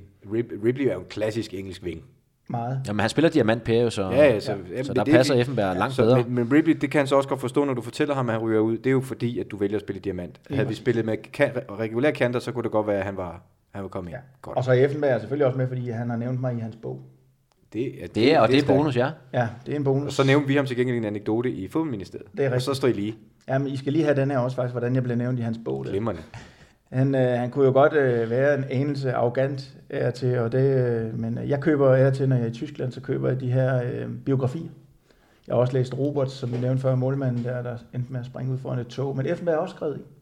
Og så gik jeg selvfølgelig frem og bladrede frem til den sæson, øh, hvor jeg spillede nede i øh, Gladbach, og den har han selvfølgelig også beskrevet, og vores manager Rolf Rysmann havde så, øh, sagde Effenberg, købt en dansker. Han nævnte mig ikke med navn, men jeg var ikke i tvivl om, hvem det var, da jeg var den eneste dansker, der var der lige der. Så øh, han havde købt en dansker, og Rysman havde sagt, at øh, han lavede minimum 10-12 mål. Det gjorde han også, skrev Effenberg, men det var til træning. Ja. så, men øh, han er nævnt i bogen. Så, Ja, er ja, det du måske, nævnte det. så er det måske alligevel meget pænt, at jeg ikke nævnte det ved navn. Ja, præcis. Han har så selv både beskyttet det der. ja, men det er rigtigt. Så øh, det blev Effenberg. Ja. Ja. Midt. Og hvad har vi så på øh, den venstre? Venstre midt. Jason Wilcox. Ja. Også, øh, nu siger du Ripley på højre midt øh, i mesterskabssæsonen i Blackburn, og Wilcox var jo på venstre. I en flad 4-4-2 var det jo dengang. Og øh, Wilcox var øh, et lyn, fantastisk dygtig, og så øh, det eneste mål, jeg scorede i Blackburn, det var ham, der lagde op til det, så det vil fortjene nok, at han får pladsen der. Sindssygt, så skal han der på. Præcis. Så har du betalt den tilbage også. Yes, sir. Og øh, tieren, Tieren, den er jo den, også sjov. det siger jo meget om et hold, hvem man vælger på en tier. er Ja, det rigtigt. siger jo rigtig meget om det. Vi får svært ved at lægge Effenberg på igen jo. Det er klart. Så der er kun to tilbage. Der har vi Peter Nielsen, kan I huske ham? Ja, Som meget også jo- som assistenttræner Peter, ikke? Så Og havde du ham som assistent? det havde jeg. Ja, fantastisk. Og det er jo også en, man har lyst til at drikke en kop kaffe med, Ja, ja, skulle jeg så helt at sige. Altså, det, er jo, det er jo bare en sød mand. Hold Helt op. vildt. Og en god du- fodboldspiller Du også. spillede med ham i. Lønby, ikke? Jo. Ja. Helt vildt god fyr. Og øh, en fantastisk fodboldspiller, og røg jo faktisk til Borussia Mönchengladbach efter EM i 92. Så, øh, men Nielsen, han kan ikke få den, trods alt, fordi jeg spillede jo med Flipsen. Og øh, han var jo også bare en, en legende i, og på landsholdet. Han kom ind i, røg ind i en masse skader også. Røg af det tyske landshold, men øh, han var et meget stort navn i Gladbach. Så øh, Men, men for dem, der er lidt yngre end, end, øh, end, end du er, det er Karl-Heinz Flipsen. Og alene navnet gør jo næsten, alene, altså Karl Karl-Heinz, Heinz, det, ja. det understreger jo klassen. Det gør det, ja. Men det var jo en, en atypisk spiller øh, dengang. En meget sådan, øh, hvis vi man husker måske, den næste generation var måske sådan noget øh, Hessler-agtig også, den type spiller. Øh, meget teknisk anlagt. meget, og meget veltrænet. Og da han samtidig var single, så så han en idé i, at hver gang han havde scoret, så smed han trøjen på øh, tysk tv, så, det, øh, så stod han snor lige ude ved hjørnefladet og var flexet. Det var rigtig flot. Men øh, også altid god fyr. Jeg spillede faktisk en del tennis med Karl Heinz og, og, øh, og en anden en, der har været i Berlin tidligere, en af hans gode venner. Så øh, vi spillede en del tennis i vores fritid. Men øh, Flipsen, han får den for godt kammeratskab og, og en sjov fyr. Men, men det er vel, øh, altså nu ved jeg ikke, om det er karikeret det her, men det er vel øh, sådan den tyske version af Max Strudal, var det ikke det? Det var det faktisk, det kan man godt sige. Altså, øh, Og så ved, man, så ved man, hvad det er. Men han var en god fyr også, udover at være en øh, flot fodboldspiller og en flot fyr. Strussen? Jeg snakker om Karl-Heinz Nu Flipsen. snakker jeg begge to, faktisk. Ja. Ja. Både flotte og øh, både flotte og søde mennesker. Ja, helt sikkert. Glimrende. Jamen, ved du, det er, en, øh, det er et flot chichat. Det er godt. Den kører vi. Flipsen på den. Hvem vil du have med op foran? Det er, øh, altså, nu, ham har jeg taget på kvalitet. Og ikke på menneskelige egenskaber, eller fordi vi havde det skide godt sammen. Fordi jeg, jeg havde ikke ret meget til fælles med Chris Sutton. Ja. Men dygtig, det var han del med klart den bedste angriber, vi havde i Blackburn. Han var, han var vildt målfarlig. Han skulle selvfølgelig, øh, det var jo også en af dem, der skulle, men han var nok den, der allermest skulle øh, fylde skoene efter, at Blackburn solgte Shearer. Fordi han havde jo spillet sammen med ham i mesterskabssæsonen, og øh, Chris var meget, meget dygtig. Så, øh, så han får den for hans fodboldkunde. Han må virkelig have været dygtig, hvis du vælger ham, selvom du egentlig kan mærke, at måske ikke var helt vild med ham. Øh, så må han virkelig have været god, når han ikke vil få en plads på, på de karriereshold der. Han var god. Modtaget. Hvor, men hvor god var han i forhold til Shearer, tænker jeg? Fordi de er jo sammen med den der mester- mesterskabssæson. Jeg ved godt, Shearer han er måske, en af de, han er måske den bedste angriber, der nogensinde har været i Ja, lige efter ikke? Harry Kane, men det er tæt. Men for mig sådan set udefra, der virker han ikke som om, han var sådan... Det ved jeg ikke, det virker lidt som om, at det var en lidt tonsagtig type. Ja, Chris? Ja. Nej, det synes jeg ikke, han var. Jeg synes, han var under, undervurderet teknisk, og han var enormt god til at komme i feltet. Han, I den der mesterskabssæson, der, kunne jeg, der tror jeg, han har lukreret meget på, at, øh, at Shearer tog meget opmærksomheden. Men, øh, men jeg synes faktisk ikke, han var en tonser. Jeg synes, han var dygtig, dygtig til at holde i den, og, og dygtig til at komme i feltet. Så. Vi, øh, vi mangler kun en plads. Ja, Jørgen Pettersson. Jørgen Pettersson. Hvor svært kan det være? Det, det ved jeg da ikke. Borussia Mönchengladbach og senere FCK. Har du spillet med ham? Nej, men jeg har faktisk hørt, mange, jeg har hørt rigtig mange sjove øh, historier om ham. Fordi at øh, Jørgen Petersen, han kunne spille musik, eller han kunne spille, øh, øh, var det på guitar eller trommer eller et eller andet. Så han underholdt altid. Præcis. Og øh, både Jørgen og Patrick og jeg, vi, øh, der har findes en slagerlegende i Tyskland, som hedder Wolfgang Petri. Og øh, vi holdt af til sådan nogle efterfester, hvor øh, Wolfgang Petri den kørte derudad. Men det er rigtigt, Jørgen han er meget øh, musikinteresseret. Jeg venner med ham på Facebook, og der er tit, der lægger han sådan nummer ind, man Ja, ja, kan sidde og høre og sådan noget. Så. Der var en gang til en eller anden afslutningsfest inde i FC København, jeg tror sådan en mesterskabsfest, hvor de havde et eller andet band, der spillede, hvor han bare gik op på, på scenen og overtog showet. Begyndte at synge og spille og alt muligt, så sådan et, et, et talent inden for, inden for musikken også. Øh, han kunne alle mulige ting, ham der. Øh, Jeg kan faktisk huske, at han slog igennem ned i Tyskland. Han lavede et havermål. Øh, sindssygt dygtig spiller, ikke? Øh, sådan meget, han har også meget sådan pussy, pussy udseende, sådan en lille rødhåret øh, øh, gut der fra Sverige, der, der kunne et eller andet. Så øh, han var ikke så længe i FC København, øh, og jeg nåede ikke at spille sammen med ham desværre, men, men han har efterladt et stort indtryk derinde. Så en sjov person, tror jeg. Så vi har et hold, øh, udover at være et, et habilt fodboldhold, så er det også et hold, som øh, til afslutningsfesten, øh, der er både musik og fest og farver i dem, og en, der, Ja, en, der skaffer lidt damer også, og sådan hist og pis, kan jeg høre. Det, Ja. øh, Det blev en sjov fest. det er en god sammensætning, den her, tror jeg. Ja. Det vil vi gerne have oplevet. Men måske en dag, hvem ved her. Øhm, det her hold, det lægger vi også op øh, på Twitter, Sture. Kan vi ikke gøre det? Jo, det kan vi i hvert fald. Så man lige kan få et overblik. Øhm, vi, øh, vi mangler noget, der hedder roulette-runden, Per. Yes. Øh, og jeg har jo fortalt dig kort om det, at det er vores venner hos Leo Vegas, der øh, donerer 500 kroner hver uge, som man så kan smide på øh, rouletten ind hos dem. Og øh, hvis man vinder, hvis man vinder, så, øh, så kan man donere gevinsten videre til et godt formål, for, formål inden for fodboldens verden, som man selv vælger. Og i og med, at vi er kommet her for at optage dig i Hall of Fame, så er det selvfølgelig dig, der skal have chancen i denne her uge. for det. Øhm, har du tænkt lidt over, hvad du kunne tænke dig at spille på, og hvem det eventuelt skal gå til, hvis du vinder? Jeg synes, den er helt oplagt. Det kan ikke være andet end OB's ungdomsafdeling, der skal have et tilskud. Vi må ikke give direkte til unge mennesker, men vi må må- måske godt give til amatørafdelingen, Ja, ja, som så kan fordele penge. Præcis. Ja. Og øh, altså OB's amatører, som jeg går ud fra ungdommen ligger hos, øh, hvad, hvad skal vi, har du nogen gode fornemmelser med, hvad der skal spilles på? Altså, jeg tror, jeg vil spille på tredjedel, faktisk. Ja, vi har kun et hug, så det er et dusin, du tager. Er det Ja. det, det hedder? Ja. Så det er noget med, at man tager fra 1 til 12, 1 til eller 12. 13 til... Ja, Ja, og derude det sidste dusin. det beskidte dusin. Det er 12 vi kører her, det der. Den er pisse svær. ja, jamen, jeg skal også lige lære den. Nå, Per, vi, øh, vi har fået gang i øh, rouletten, live-rouletten inde hos øh, Leo Vegas, og øh, vi har en dealer, der hedder Monta i dag, og vi håber, hun, øh, hun er god ved os. Har vi, øh, vi ved, hvor pengene skal gå til, hvis vi vinder noget. Det er amatørafdelingen i OB. Hvem, øh, hvad skal vi spille på? Vi skal spille på, på det sidste dusin, det vil sige fra tallene fra 25 til 36. Du, kan du klare det? Det vil sige, at vi skal helt op i den tunge ende af tallene nu. Farven er ligegyldig. Ja. Og jeg Indsatsen håber er- virkelig, de vinder. De har brug for det. Indsatsen er accepteret. Skal vi lige øh, skal vi få noget lyd på, Sture, så vi kan høre, om øh, den kører godt rundt, den kugle der, Som man siger. som man siger. Kom så med den. Og du siger, hvad er det, det giver? Det giver tre gange penge, er det sådan, Sture? Okay. Så det er 1500 kroner, vi... Kom så med den. Nærmer os. Den kører og kører. Og bummelummelum, hvad siger den? Ball siger damen? landed. Winning number of the game is 22 Hvad siger hun? black. 22? Higher number from Er det med? Nej, desværre. Skandale. I. Hvad skulle det være op på, før vi... Øh... 25. Ah, Jeg beklager. Tæt på. det så tæt OB's på. amatørafdeling, de må sende mig en, øh, en faktura i stedet for, så skal jeg overføre de 1000 kroner. Jeg vil sige, det var, det var tæt på denne gang. Vi, øh, vi, Det var et kvalificeret bud. Jeg føler også, at øh, vores dealer i dag, hun var hun er ikke helt i topform. Jeg ved ikke, øh, hun skulle lige have givet den. Hvad mangler hun? også frisk nok ud. Det ser sund og rask ud. Jeg synes, det er en sød, det er en sød ung dame, Ja, ja, det hun mangler de lige da. nytårshatten. Det kan, det kan ja. de altså derinde, altså. Det ved jeg ikke, hvad ansættelseskraven er. Jeg men, synes, øh, vi var, vi var et godt selskab, men vi var ikke så heldige med, med udfaldet. Sådan er det. Den fik chancen. Den fik chancen. Det var godt spil, Per. Jeg synes, du, øh, det var et hederligt forsøg. Tak for det. Puh. Nå, hvor er vi så nået til, Sture? Det kan jeg godt fortælle dig. Vi er nået til det, vi er kommet for. Og det er optagelsen i Hall of Fame. Det har vi aldrig prøvet før. Altså at gøre det sådan live, Per. Øh, det har vi faktisk ikke.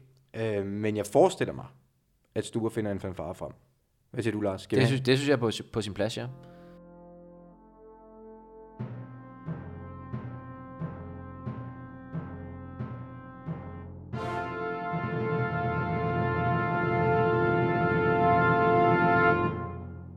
Den valgte fanfare. Hall of Fame fanfaren. Per, hvad siger du til sådan en? Er det passende? Den er, den er flot. Og vi, øh, vi fejrer selvfølgelig også det her med maner. Øh, nogen vil tro, at man gør sådan noget med champagne, men det gør man ikke. Lars, hvad er det, vi skal... Vi skåler selvfølgelig. Øh, ligesom når man knaller champagne ind i borgen på et skib, når det skal døbes, så, øh, så skåler vi i, selvfølgelig i Faxekondi her i fodboldministeriet. Naturligvis. Så jeg synes, vi skal, vi skal åbne vores øh, Faxekondier Sådan der. og udbringe en skål. Skål. Skål. Tillykke med det, Per. Mange tak. Meget velfortjent. Og tak, fordi du var med i vores Hall of Fame. Og tak, tak, fordi fordi du jeg måtte komme må. og besøge dig. Jamen, Tak, det, jeg det, ja, for os, øh, hvis du spørger, så skal du jo. Hvis I bare har mad med hver gang, så må I gerne komme. Lige præcis. Vi skal gøre vores bedste. Sture, hvad, hvad siger du til oplevelsen øh, herovre? Jamen, jeg synes, det har været storartet. Det, det synes jeg virkelig. Det, det, det er jo en god uh, on the road debut, synes jeg, vi har Ja, haft. men det er også fordi, det er hyggeligt. og Det vil sige, at det er altid hyggeligt, når man er sammen med Per. Øhm, det er et godt selskab, og det er vigtigt. Øh, og det er rigtig vigtigt i sådan en lidt stiv verden, som fodboldverden nok godt kan være. Og specielt når man spiller i udlandet. Meget overfladisk. Øh, mange steder. Og vigtigt, der er de der typer der rundt omkring, som, som kan omfavne lidt og øh, bringe noget god, god humør i. Også, ind, også som vi snakker om i perioder, hvor man måske ikke, i princippet ikke har overskud til det. Men det har du altid kunne, Per, og det, det skal du have tak for. Jeg er i hvert fald blevet, jeg har siddet sådan med fornemmelsen, at jeg blev bekræftet bekræftet det indtryk, jeg havde gennem anekdoterne, at øh, det er en mand, der kan smile og, og tage fra og tør være, tør være sig selv, og godt indimellem også tør at sige noget, som andre måske ikke ville ture. Og Sture, du har nu haft over en time, hvor du har sluppet for at høre om øh, AGF og børnehavemobning og alt muligt. Og på den måde er det jo meget godt at komme on the road. Det kan man sige. Det er, det er faktisk en af de helt store fordele også. Ja. Øhm, per, tak for anekdoterne. Tak selv. Tak fordi jeg må være med. Jamen, det var Det er også der takker. det er os, der er bæret. Og øh, nu er vi en ekstra mand i Hall of Fame, og siger vi, så er vi jo ikke med. Det har vi ikke, været, det har vi ikke gjort os til nu, men Søren Andersen sidder deroppe og venter på dig. Det er et flot selskab. Ja, det er det. Mandarinen, han sidder deroppe. Ja. det, det hedder med også en... God chance for, at han sidder og spiser, faktisk. Ja, det gør han. Og er lidt rasende. andet. han kom i, øh, kom i, den, øh, i den blå SLK, og ja. rev den ud af. Så Søren sidder deroppe og rasende. Nu kommer du derop og smiler. Det er måske også meget godt, at vi får lidt ja. balance deroppe. Ja. Uh, og så får vi se, hvem den næste bliver på et eller andet tidspunkt. Så kan det være, at vi finder en, der er værdig. Det bliver svært, men vi skal nok prøve, Per. Jeg glæder mig til at følge med i programmet, så jeg kan se, hvem den næste bliver. Nu bliver vi helt røde i hovedet. Ja. Helt røde i hovedet. Sture, går du lige op og tænder op i Lars' Audi, så vi kan komme tilbage? Ja, det gør jeg. Jeg har godt nok ikke kørekort, så jeg skal ikke, øh, jeg skal Ja, ikke det er. Lars Men heller du har ikke. også lige Det se, hvordan mit kørekort det så ud nede i bilen, ikke? Ja, Så, du, har, du har et halvt kørekort. ja. Ja, du kan Det- godt lige gå ned og Det nye skulle være på vej. Gå ned og tænde op i dem. Vi sætter kursen mod København. Næste uge er vi tilbage, som vi plejer. Vi glæder os til at høres ved endnu en gang. Lars, øh, det er vi med på, ikke? 100 procent. Normalt sæt op. Og du, til den tid, at du også kommer hjem fra skiferie. Det er nemlig, ja. Så vi håber også, du er i, ikke er i kørestol. Og... Det kan jeg ikke love, men øh, jeg tager en tur på ski. Igen, det er anden gang. Men du ved, nu har jeg ikke rejst i, øh, i 20 år, så nu, øh, nu skal den have chancen den have i branchen. Og hvis det går galt, og vi håber det ikke, Lars, hvis det går, så kan du også lige ringe til Bjerg og høre med, hvis jeg Jeg ved, hvordan man skal genoptræne for knæskader. Har du nogle knæben? Eller Ja, fik, Don Joy. Fik, Don Joy. fik Carsten Hemmingsen alle dine aflagte knæben? Det er faktisk rigtig godt, vi lige har haft, vi lige har haft Per med. Det kan godt gå hen og blive en god investering. Vi skal til at sige tak for den her gang, og det skal vi gøre sammen med vores huspartnere fra Faxe Kondi og Leo Vegas. Tak fordi I har lyttet med. Vi høres ved på mandag. Tredje mål, det var sådan helt, øh, altså, så tænkte jeg, det var da utroligt, ikke? Tre mål, og så på en halvleg, ikke?